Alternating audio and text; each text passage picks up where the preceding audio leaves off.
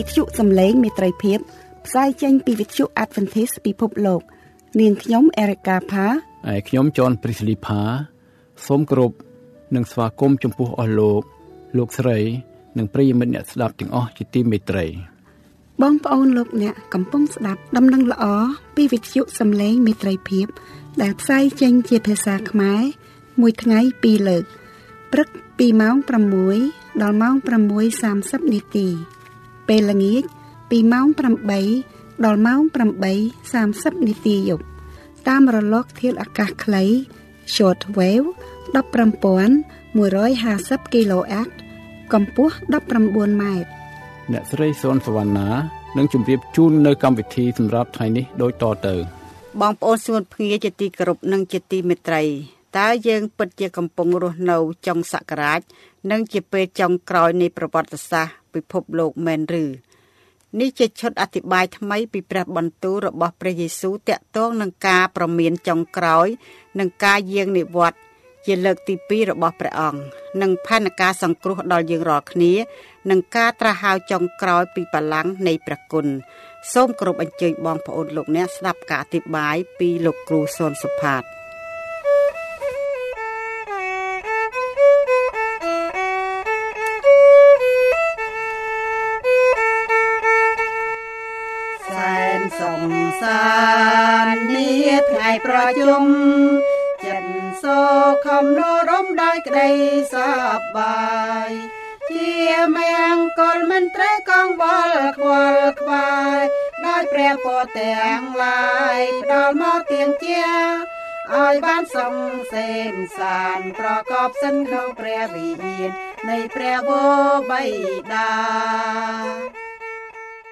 ជម្រាបសួរបងប្អូនទាំងអស់គ្នាខ្ញុំនឹងអានម៉ាកុសចំពុក13ខ35និង37ដូច្នេះចូលចាំយាមចោះត្បិតមិនដឹងជាវេលាណាដែលម្ចាស់ផ្ទះនឹងមកវិញទេទោះបើល្ងាចកណ្ដាលអាត្រៀតពេលមន់រងាវឬព្រឹកក្តីក្រែងលោលោកមកដល់ភ្លាមឃើញអ្នករាល់គ្នាកំពុងតែដេកលក់ឯសេចក្តីដែលខ្ញុំប្រាប់ដល់អ្នករាល់គ្នានេះនោះខ្ញុំក៏ប្រាប់ដល់មនុស្សទាំងអស់ដែរគឺថា ចូលចាំយាមចោះ Amen I'm going to read um, Mark chapter 13 verse 35 to 37 Therefore, keep watch, because you do not know when the owner of the house will come back, whether in the evening or at midnight, or when the rooster crows, or at dawn. If he comes suddenly, do not let him find you sleeping. What I say to you, I say to everyone watch. Amen. Amen. ជំរាបសួរបងប្អូនទាំងអស់គ្នា Happy Sabbath ហើយខ្ញុំឆ្លៀតពេលនេះដើម្បីនឹងគោរពស្វាគមន៍បងប្អូនយើងដែលកំពុងស្ដាប់វិទ្យុសម្លេងមន្ត្រីភាពតាមប្រព័ន្ធរលកធាតុអាកាសខ្លីនិងតាម podcast នៅជុំវិញពិភពលោកបាទសូមព្រះជំចាស់ប្រទានពរបងប្អូនទាំងអស់គ្នាអរគុណព្រះ នៅក្នុងពេលដែលយើងចូលមកថ្វាយគុំព្រះដូចគ្នាបើបងប្អូនយល់អំពីអត្ថប្រយោជន៍ដ៏ធំធេងខ្លាំងមែនទែនដែលព្រះជាម្ចាស់មានសម្រាប់យើងនោះគឺយើងគិតថាការដែលយើង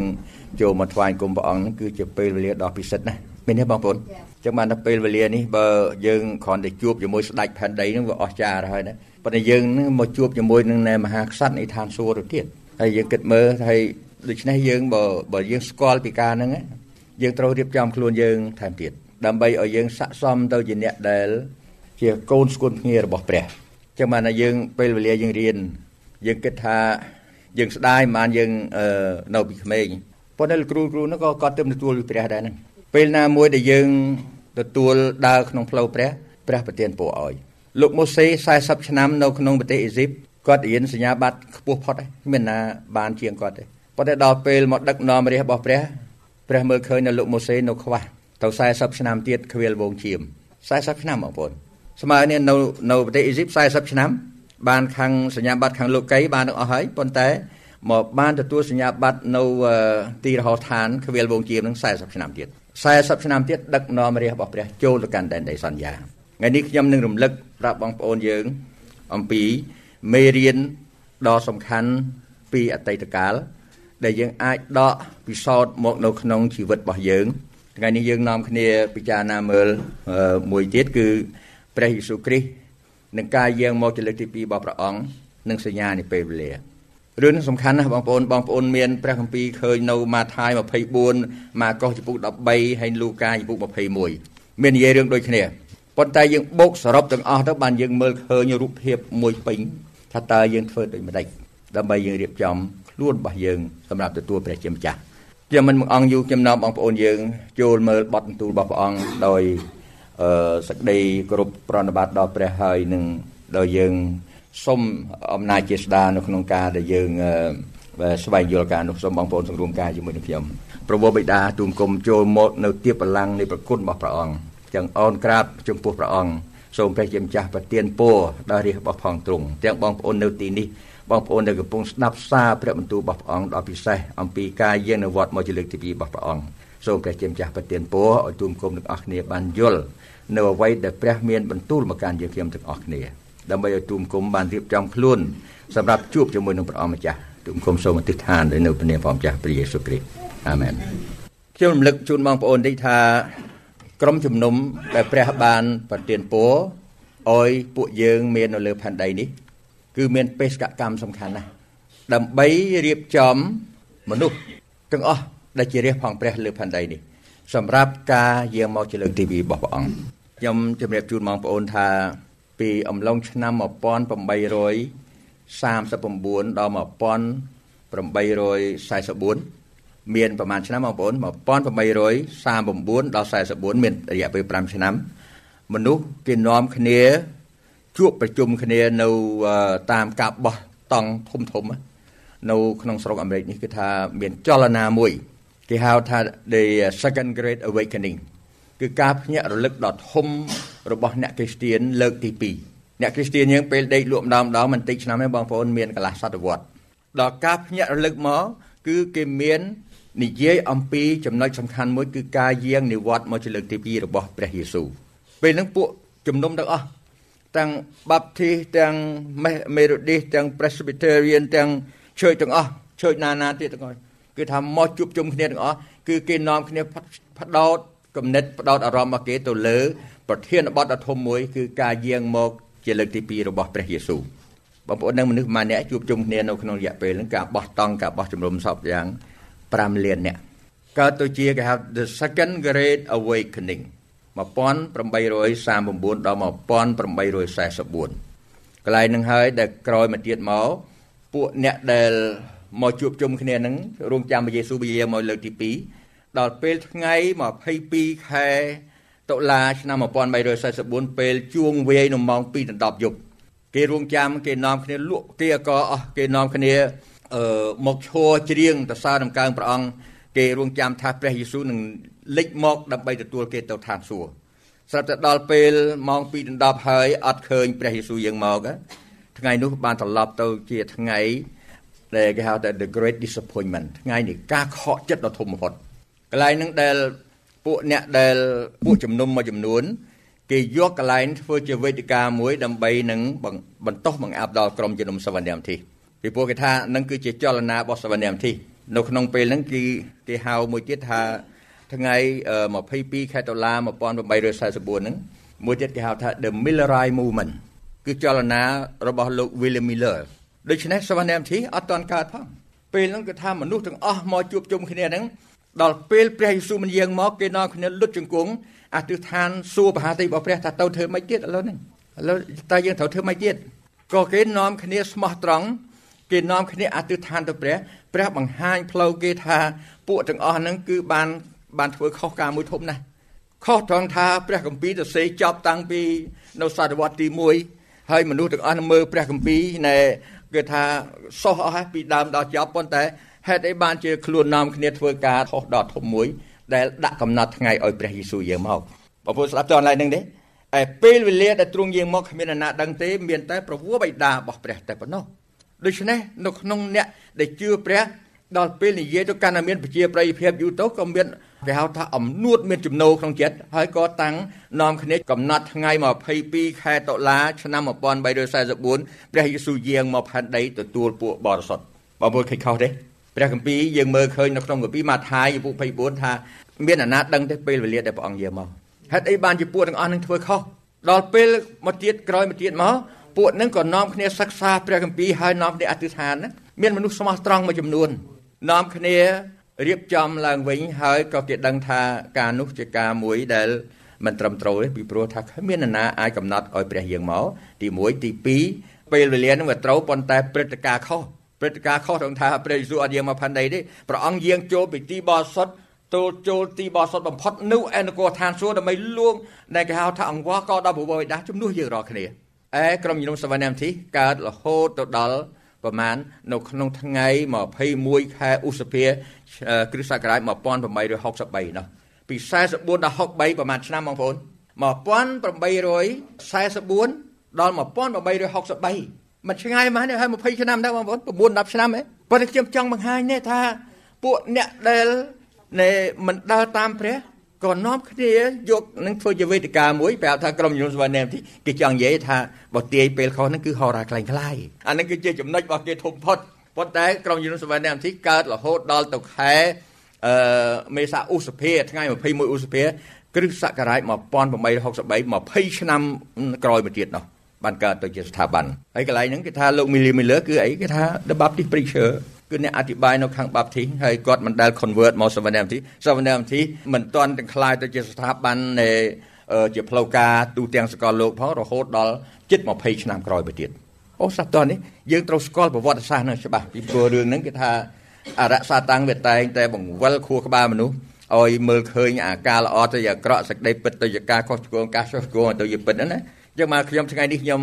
និយាយត្រួសត្រាសទេជូនបងប្អូនខ្ញុំលើកចំណុចសំខាន់បងប្អូនទាំងអស់គ្នាមើលរូបភាពនេះខ្ញុំចង់បង្ហាញឲ្យបងប្អូនមើលឃើញរូបភាពគឺបញ្ជាក់ប្រាប់អំពីសញ្ញានៃពេលវេលា the sign of the time ខ្ញុំមិនមានពេលនឹងមើលឡើងវិញទេប៉ុន្តែយើងបើកគម្ពីរជាមួយគ្នាទៅនៅក្នុងព្រះគម្ពីរនៃម៉ាថាយពុ24ប៉ុន្តែយើងមើលម៉ាថាយរាល់ពេលថ្ងៃនេះខ្ញុំនាំបងប្អូនមើលគម្ពីរម៉ាកុសម្ដងគម្ពីរម៉ាកុសនិយាយពីរឿងនេះដែរ ម៉ាកុសនៅក្នុងជំពូក13និយាយអំពីព្រឹត្តិការណ៍ដែលព្រះយេស៊ូវយាងមកជាលើកទី2ដែរម៉ាថាយ24ម៉ាកុស13ប៉ុន្តែទាំងអស់ហ្នឹងគឺវិលទៅវិលមកយើងបំពេញគ្នាទៅវិញទៅមកខ្ញុំបូកសរុបឲ្យបងប្អូនមើលបន្តិចសិនតង់ថា នៅក្នុងចំណុចនៅក្នុងម៉ាថាយ24និងម៉ាកុសចំពុក13ហើយនិងលូកា21ហ្នឹងគឺមានចំណុចសំខាន់7យ៉ាង គឺព្រះយេស៊ូវបានទស្សទាយអំពីការហិនវិនាសនៃព្រះវិហារនៅក្រុងយេរូសាឡឹមមួយទៀតអំពីសញ្ញានៃពេលវេលាអំពីថ្ងៃចុងក្រោយបង្អស់ចំណុចទី3គឺថាការសក្តីទុក្ខវេទនាខ្លាំងណាស់មុនពេលព្រះយាងមកហើយមួយទៀតបញ្ជាក់ប្រាប់អំពីសញ្ញាពេលដែលកូនមនុស្សគឺព្រះយេស៊ូវនឹងយាងមកមួយទៀតព្រះយេស៊ូវបានប្រៀបប្រដូចជារឿងប្រៀបប្រដូចមួយអំពីដើមល្វាដែលប្រៀបធៀបអំពីថាពេលវេលាដែលព្រះអង្គយាងមក កន្លែងចំណុចទី6ហ្នឹងគឺខ្ញុំចង់បង្ហាញប្រាប់ថា no one know the day or hour of his coming កន្លែងនេះដែលខ្ញុំចង់និយាយថាគ្មានអ្នកណាម្នាក់ដឹងពេលវេលាឬម៉ោងពេលដែលព្រះអង្គយាងមកនោះទេអត់ទេសំខាន់ខ្ញុំចង់ឲ្យបងប្អូនចាំ the faithful servant and the evil servant គឺអ្នកបំរើស្មោះត្រង់និងអ្នកបំរើអាក្រក់នៅក្នុងនេះព្រះយេស៊ូវចង់ឲ្យយើងមើលឃើញរូបភាពរូបភាពពីរអំពីអ្នកដែលបំរើស្មោះត្រង់ ហើយបងប្អូនគិតមើលថាបើសិនជាព្រះយេស៊ូវបង្រៀនយើងអំពីម៉ាថាយជំពូក24និងព្រះគម្ពីរម៉ាកុសជំពូក13លូកាជំពូក21និយាយអំពីដំណើរព្រះអង្គយាងមកជាលើកទី2តើព្រះអង្គចង់បង្រៀនយើងឲ្យយើងរៀបចំខ្លួនសម្រាប់ព្រះអង្គយាងមកណែដែរទេបងប្អូនប្រកាសជាមានចំណុចសំខាន់ណាស់សម្រាប់នឹងឲ្យយើងរៀបចំខ្លួនយើងសម្រាប់ថាតើយើងដល់ពេលព្រះអង្គយាងមកយើងបានឈួននៅចំពោះកូនមនុស្សដែរឬអត់ហើយយើងគិតមើលបើសិនជា ព្រះយេស៊ូវបានមានព្រះបន្ទូលអំពីអ្នកបម្រើស្មោះត្រង់និងអ្នកបម្រើអាក្រក់នោះយើងគិតមើលថាតើអ្នកបម្រើអាក្រក់នៅព្រះនឹងយកទៅឋានសួគ៌ដែរអត់ទេមើលបងប្អូនទាំងអស់នេះយើងពិចារណាមើលណាព្រះយេស៊ូវចង់បង្ហាញប្រាប់ដើម្បីឲ្យយើងបានស្គាល់មួយណាដែលយើងត្រូវអនុវត្តតាមខ្ញុំលើកចំណុចតែ4ទេឲ្យបងប្អូនមើលបងប្អូនអាចនឹងទៅសិក្សាថែមទៀតនៅកាពីម៉ាកុសពុ13កាពីម៉ាថាយពុ24ខ្ញុំចង់លើកអំពី ការប្រមានរបស់ព្រះយេស៊ូវនិងព្រះគ្រីស្ទคล้ายคล้ายនិងហោរាคล้ายคล้ายឥឡូវយើងនាំគ្នាអឺមើលទៅចុះឡើងអំពីនៅបទបន្ទូលទាំងពីរហ្នឹងប៉ុន្តែភាកច្រើនយើងឃើញនៅក្នុងព្រះគម្ពីរម៉ាថាយបាននិយាយលម្អិតច្រើនជាងចំណុចទី2និយាយពីសេចក្តីស្រឡាញ់រសាយអស់ទៅសេចក្តីស្រឡាញ់រសាយអស់ទៅ អានេះជាបទទំនាយដែលចែងហើយកំពុងសម្រេចសពថ្ងៃនេះចំណុចទី3ទំនាយរបស់ហោរ៉ាដានីយ៉ែលតាក់ទងទៅនឹងថ្ងៃដែលព្រះយេស៊ូវយាងមកជាលើកទី2 ពីពីឥឡូវនេះគឺនៅក្នុងចុងសករាជនេះរហូតដល់ព្រះអង្គយាងមក ទី4គ្មានថ្ងៃកំណត់ពីការយាងមកនោះទេនេះគឺថាចំណុចសំខាន់4នេះដែលខ្ញុំចង់វិញ្ញាជូនបងប្អូនទាំងអស់គ្នាឥឡូវយើងនាំគ្នាបើកមើលយើងបើកទៅកាពីម៉ាថាយជំពូក24យើងមើលនៅក្នុងខ1ខ2ម៉ាថាយ24ខ1ខ2កាលព្រះយេស៊ូវកំពុងទ្រង់កំពុងយាងចេញពីព្រះវិហារទៅនោះពួកសិស្សក៏មកចង្អុលបង្ហាញ អស់ទាំងមន្ទីរនៃព្រះវិហារថ្វាយទ្រង់ទួតតែទ្រង់មានបន្ទូលទៅគេថាអ្នករាល់គ្នាឃើញវត្ថុនេះឬទេខ្ញុំប្រាប់អ្នករាល់គ្នាជាប្រកាសថា នៅទីនេះនឹងគ្មានថ្មនៅត្រួតលើថ្ម ដែលមិនត្រូវទម្លាក់ចុះនោះទេបងប្អូនទាំងអស់គ្នាដឹងទេនៅក្នុងនេះគឺព្រះយេស៊ូវបានមានប្រាប់បន្ទូលនេះគឺថានៅក្នុងបទបន្ទូលបានអ្នកដែលគេអត្ថាធិប្បាយគេនិយាយថាប្រហែលជា5ដល់10ឆ្នាំមុនកំណើតរបស់ព្រះយេស៊ូវ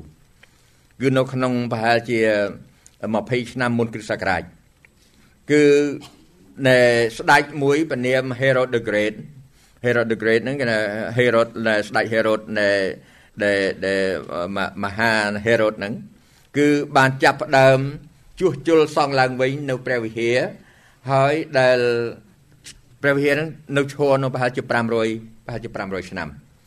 តាំងពីជំនាន់លោកហោរ៉ាអេសារ៉ា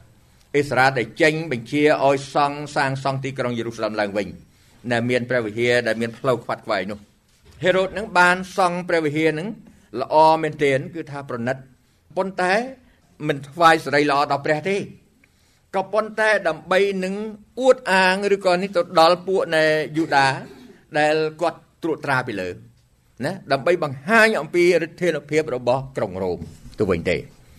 ធម្មតាព្រះវិហារគេធ្វើដើម្បីនឹងថ្វាយគុំព្រះមែនទេថ្វាយសេរីល្អដល់ព្រះប៉ុន្តែស្ដេចហេរ៉ូតមិនបានធ្វើកន្លែងសម្រាប់ជាតិកន្លែងមួយសម្រាប់នៃថ្វាយស្រីឡដល់ព្រះទេប៉ុន្តែសម្រាប់នឹងបង្អួតទៅដល់ពួកអីមនុស្សដែលគាត់ត្រួតត្រាពីលើតែប៉ុណ្ណោះប៉ុន្តែយើងឃើញថាអាគារនោះមិនបានសង់ហើយជាស្ថាពរទេរហូតដល់គ្រិស្តសករាជឆ្នាំ64ដែលព្រះយេស៊ូវមានព្រះបន្ទូលនេះការនោះកើតឡើង គឺ64ទៅ70គឺតែ6ឆ្នាំក្រោយមកទៀតទេសង់ហើយសពគ្រប់អស់6ឆ្នាំក្រោយមកទៀតក៏បានក្រុងរ៉ូមនឹងលើកតបមកហុំព័ទ្ធទីក្រុងយេរូសាឡឹមរួចហើយក៏បានដុតទីក្រុងនឹងឆេះរៀបដល់ដីទាំងអស់ចឹងបានជានៅក្នុងនឹងយើងឃើញថាព្រះបន្ទូលរបស់ព្រះយេស៊ូវថានៅទីនេះនឹងគ្មានថ្មនៅត្រួតលើថ្មដែលមិនត្រូវទម្លាក់ចុះនោះទេបន្ទូលគឺបានសម្រេចសម្រេចការ ខ្ញុំចង់បង្ហាញប្រាប់បងប្អូនពីរឿងមួយឥឡូវយើងទៅត្រឡប់ទៅកាពីម៉ាកុសវិញខ្ញុំមិញខ្ញុំនិយាយប្រាប់បងប្អូនថាកាពីម៉ាកុសឥឡូវយើងនាំគ្នាមើលកាពីម៉ាកុសតើគម្ពីរម៉ាកុសចែងដូចគ្នាដែរអត់ទេពីខ3នៃរួចកាលទ្រង់គង់នៅលើភ្នំដើមអូលីវទល់មុខនឹងព្រះវិហារនោះពេត្រុសយ៉ាកុបយូហាននិងអនត្រេគេមកទូលសួរទ្រង់ដោយឡែកថា សូមប្រាប់យើងខ្ញុំតើកាលណាការទាំងនោះនឹងមាននឹងមកដល់ តើមានទីសម្គាល់ណាឲ្យដឹងក្នុងកាលដែលការទាំងនោះកើតមកខខខ5ព្រះយេស៊ូវចាប់តាំងមានបន្ទូលឆ្លើយទៅគេថាចូលប្រយ័ត្នក្រែងអ្នកណានាំអ្នករាល់គ្នាឲ្យវង្វេងត្បិតនឹងមានមនុស្សជាច្រើនយកឈ្មោះខ្ញុំមកនិយាយថា គឺខ្ញុំនេះហើយគេក៏នឹងនាំមនុស្សជាច្រើនឲ្យវង្វេងផងកាលណាអ្នករាល់គ្នាឮពីចម្បាំងហើយនឹងសូចម្បាំងនោះកុំឲ្យអ្នករាល់គ្នាមិនចិត្តថប់អារម្មណ៍ឡើយ បងប្អូនមើលរហូតតទៀតខ្ញុំចង់បង្ហាញប្រាប់កន្លែងដូចគ្នាគឺបទបន្ទូលរបស់ព្រះអង្គបានចង្អុលបង្ហាញប្រាប់យ៉ាងច្បាស់ណាស់ថាព្រះយេស៊ូវឆ្លើយថាចូលប្រយ័ត្នក្រែងអ្នកណានាំអ្នករាល់គ្នាឲ្យវង្វេងដូច្នេះមានអ្នកនាំឲ្យវែងតើនាំឲ្យវែងរបៀបណាត្បិតនឹងមានមនុស្សជាច្រើនយកឈ្មោះខ្ញុំមកនិយាយថាខ្ញុំគឺខ្ញុំនេះហើយជាព្រះយេស៊ូវគេក៏នឹងនាំមនុស្សជាច្រើនឲ្យវែងផងបងប្អូនទាំងអស់នេះដែលឃើញអ្នកណាដាក់ផ្លាក ឬក៏ដើរប្រកាសថាខ្ញុំនេះឈ្មោះព្រះយេស៊ូវទេតែនាំមនុស្សឲ្យវែងទេប្រហែលជាគ្មានទេប៉ុន្តែបងប្អូនអាចឃើញនៅក្នុងក្រុងធំធំយើងឃើញព្រះវិហារដែលមានព្រះនាមរបស់ព្រះយេស៊ូវជាព្រះវិហាររបស់ព្រះយេស៊ូវគ្រីស្ទព្រះវិហារអេម៉ានូអែលព្រះវិហារព្រះយេស៊ូវគ្រីស្ទនេះសន្តបកលនៃថ្ងៃចុងក្រោយបងប្អូនមើលឃើញទាំងអស់សុទ្ធតែជាព្រះវិហារគ្រិស្តសាសនាទាំងអស់ប៉ុន្តែហេតុនេះបានជាព្រះយេស៊ូវមានព្រះបន្ទូលកន្លែងនេះប្រាប់ថាចូលប្រយ័ត្នក្រែងអ្នកណានាំអ្នករាល់គ្នាឲ្យវង្វេង បងប្អូនអស់នេះមើលឃើញកន្លែងហ្នឹងនៅបើសិនបើអ្នកនោះជាអ្នកតំណាងព្រះយេស៊ូវដ៏ពិត100%ដើរតាមព្រះអង្គដូចជាលោកសាវកពលដែលដើរតាមព្រះយេស៊ូវព្រះយេស៊ូវអត់ត្រូវការចាំបាច់និយាយថាណែឲ្យប្រយ័ត្នទេប៉ុន្តែកន្លែងនេះព្រះយេស៊ូវដឹងច្បាស់ណាស់ថានៅចុងសករាជនឹងមានអ្នកដែលអះអាងថាខ្លួនជាក្រុមជំនុំរបស់ព្រះយេស៊ូវប៉ុន្តែអនុវត្តមិនដូចជាព្រះយេស៊ូវបងស្ដាប់តើកន្លែងហ្នឹងទេអនុវត្តមិនដូចជាព្រះយេស៊ូវនៅក្នុងឯងបងប្អូននៅក្នុងការថ្វាយបង្គំ តើនេះហើយដែលយើងមើលឃើញបទបន្ទូលនេះនិយាយច្បាស់ណាស់ចំណុចទី1ព្រះយេស៊ូវបានហាមថាប្រយ័ត្នក្រែងអ្នកណានាំអ្នករាល់គ្នាឲ្យវង្វេងវង្វេងក្នុងការថ្វាយបង្គំបងបានស្ដាប់តើនេះពេលក្រុងនីនីវេពេលដែលចុងក្រោយបង្អស់ព្រះបានមានព្រះបន្ទូលទៅកាន់លោកយូណាថាតើមិនអោយអញអាឡ័យដល់ទីក្រុងដ៏ធំនេះដែលមានមនុស្ស120,000នាក់ហើយមានវងសត្វដ៏ធំលេះ ហើយមិនស្គាល់ស្ដាំស្គាល់ឆ្វេងបងប្អូនទាំងអស់នេះស្ដាប់តើឡើយហ្នឹងទេសោគេមានដល់នាយករដ្ឋមន្ត្រីមានដល់ស្ដេចមានដល់វិស្វករមានដុកទ័ររាប់មិនអស់ហេតុអីបានជាព្រះយេហូវ៉ាមានទូលថាពួកមកសែន20000នាក់គឺជាអ្នកមិនស្គាល់ស្ដាំស្គាល់ឆ្វេងតែមួយគត់បងប្អូនគឺក្នុងនេះនៃការថ្វាយបង្គំត្រឹមត្រូវ They do not know right from wrong in term of true worship ការថ្វាយបង្គំព្រះ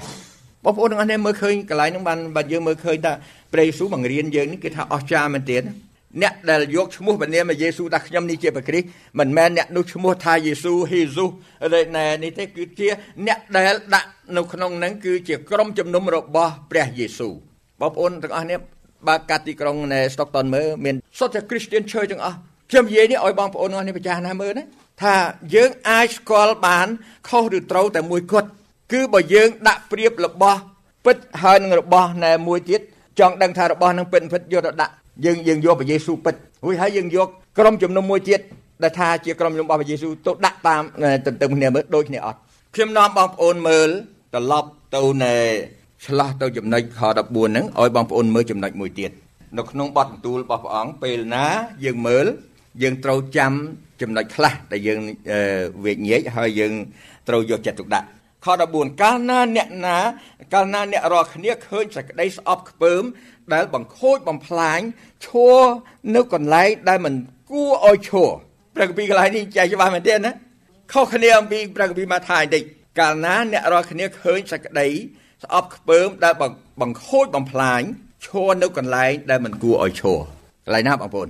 បើកវងកញ្ចក់អ្នកណាដែលមើលឲ្យយល់ចុះបងប្អូនដែលពិចារណាមើលកន្លែងហ្នឹងទេ ហេតុអីបានកន្លែងនេះដាក់វងកញ្ចក់អ្នកណាដែលមើលឲ្យយល់ចុះធ្វើម៉េចឲ្យយល់បងប្អូនធ្វើម៉េចឲ្យយល់បើយើងមិនយល់យើងត្រូវពិចារណាប៉ុន្តែបើពិចារណាឲ្យមិនចេញទៀតយើងត្រូវសួរអ្នកណាដែលគេដឹងកន្លែងហ្នឹងឬមួយក៏យើងសិក្សាមើលពីកន្លែងដទៃទៀតពីព្រោះនៅក្នុងព្រះគម្ពីរមានចែងតាក់ទងទៅនឹងគម្ពីរសញ្ញាចាស់បងប្អូនចាំនៅក្នុងគម្ពីរយ៉ូហានពុក4នេះពេលដែលយ៉ូហានពុក4ពេលដែលព្រះយេស៊ូវជួបមួយស្ត្រី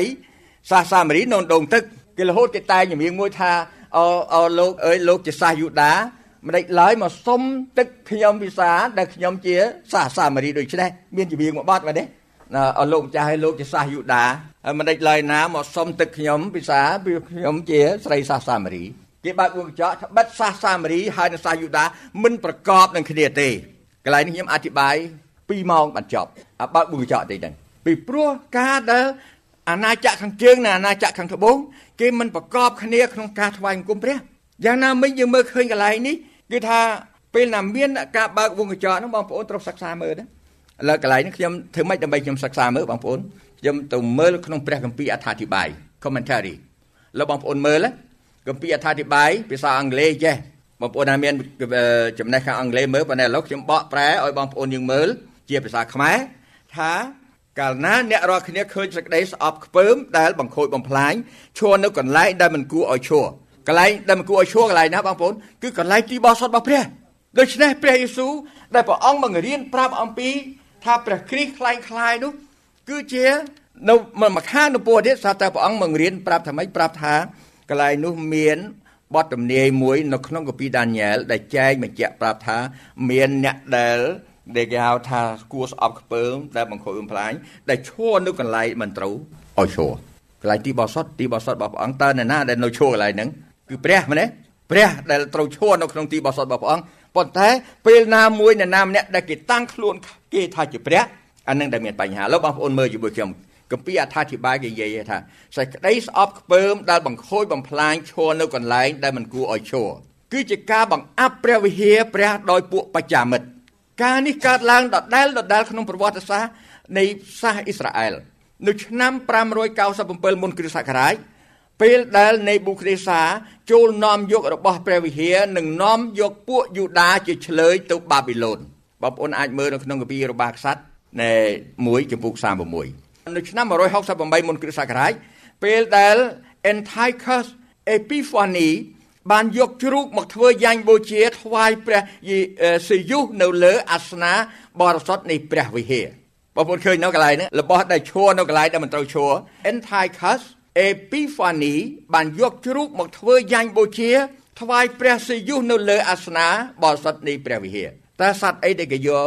ណែត្រូវធ្វើយ៉ាញ់បូជានៅទីបរិសុទ្ធនៃព្រះវិហារបរិសុទ្ធបងប្អូនជាមជាមនឹងជាមយ៉ាងម៉េចទៀតជាមស្អាតឥតខ្ចោះចុះសត្វជ្រូក ជាសត្វអីបងប្អូនស្មោក្រោកហើយដូច្នេះបើយកទៅដាក់ជំនួសកូនជាបានន័យថាម៉េចជាការប្រមាថមើលងាយនៅវត្ថុដ៏ពិសិដ្ឋរបស់ព្រះបងប្អូនឃើញទេបទទំនានចែងច្បាស់ចឹងនៅឆ្នាំ168មុនគ្រិស្តសករាជពេលដែល Antiochus Epiphanes បានយកជ្រូកមកធ្វើយ៉ាញ់បូជាថ្វាយព្រះសេយុនៅលើអាសនាបរិសុទ្ធនៃព្រះវិហារមានចែងក្នុងកាពីដានីយ៉ែលចំពុក9ខ27នៃចំពុក11ខ30ទៀតមួយវគ្គទៀត នៅគ្រិស្តសករាជ70នៅពេលដែលឧត្តមសេនីយ៍សាសរ៉ូមឈ្មោះ Titus បានដាក់រូបព្រះនៅលើទីព្រះវិហារដែលឆេះអស់បន្ទាប់ពីការបំផ្លាញក្រុងយេរូសាឡឹមបន្ទាប់គេដុតបំផ្លាញក្រុងយេរូសាឡឹមហើយគេយករូបព្រះមកដល់ដាក់តាំងនៅកន្លែងលើហ្នឹងគេថាតើព្រះឯងនៅណា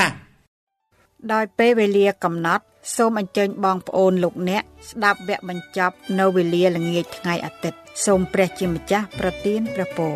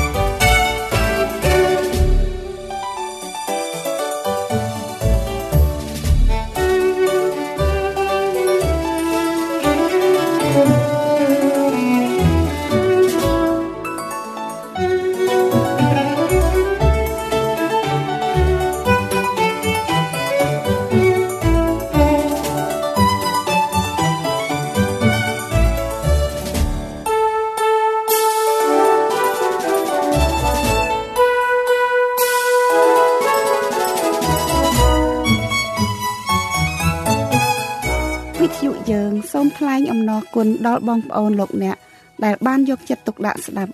កម្មវិធីយើងខ្ញុំនៅថ្ងៃនេះសូមព្រះជាម្ចាស់ប្រទានព្រះពរជាបរិបូរណ៍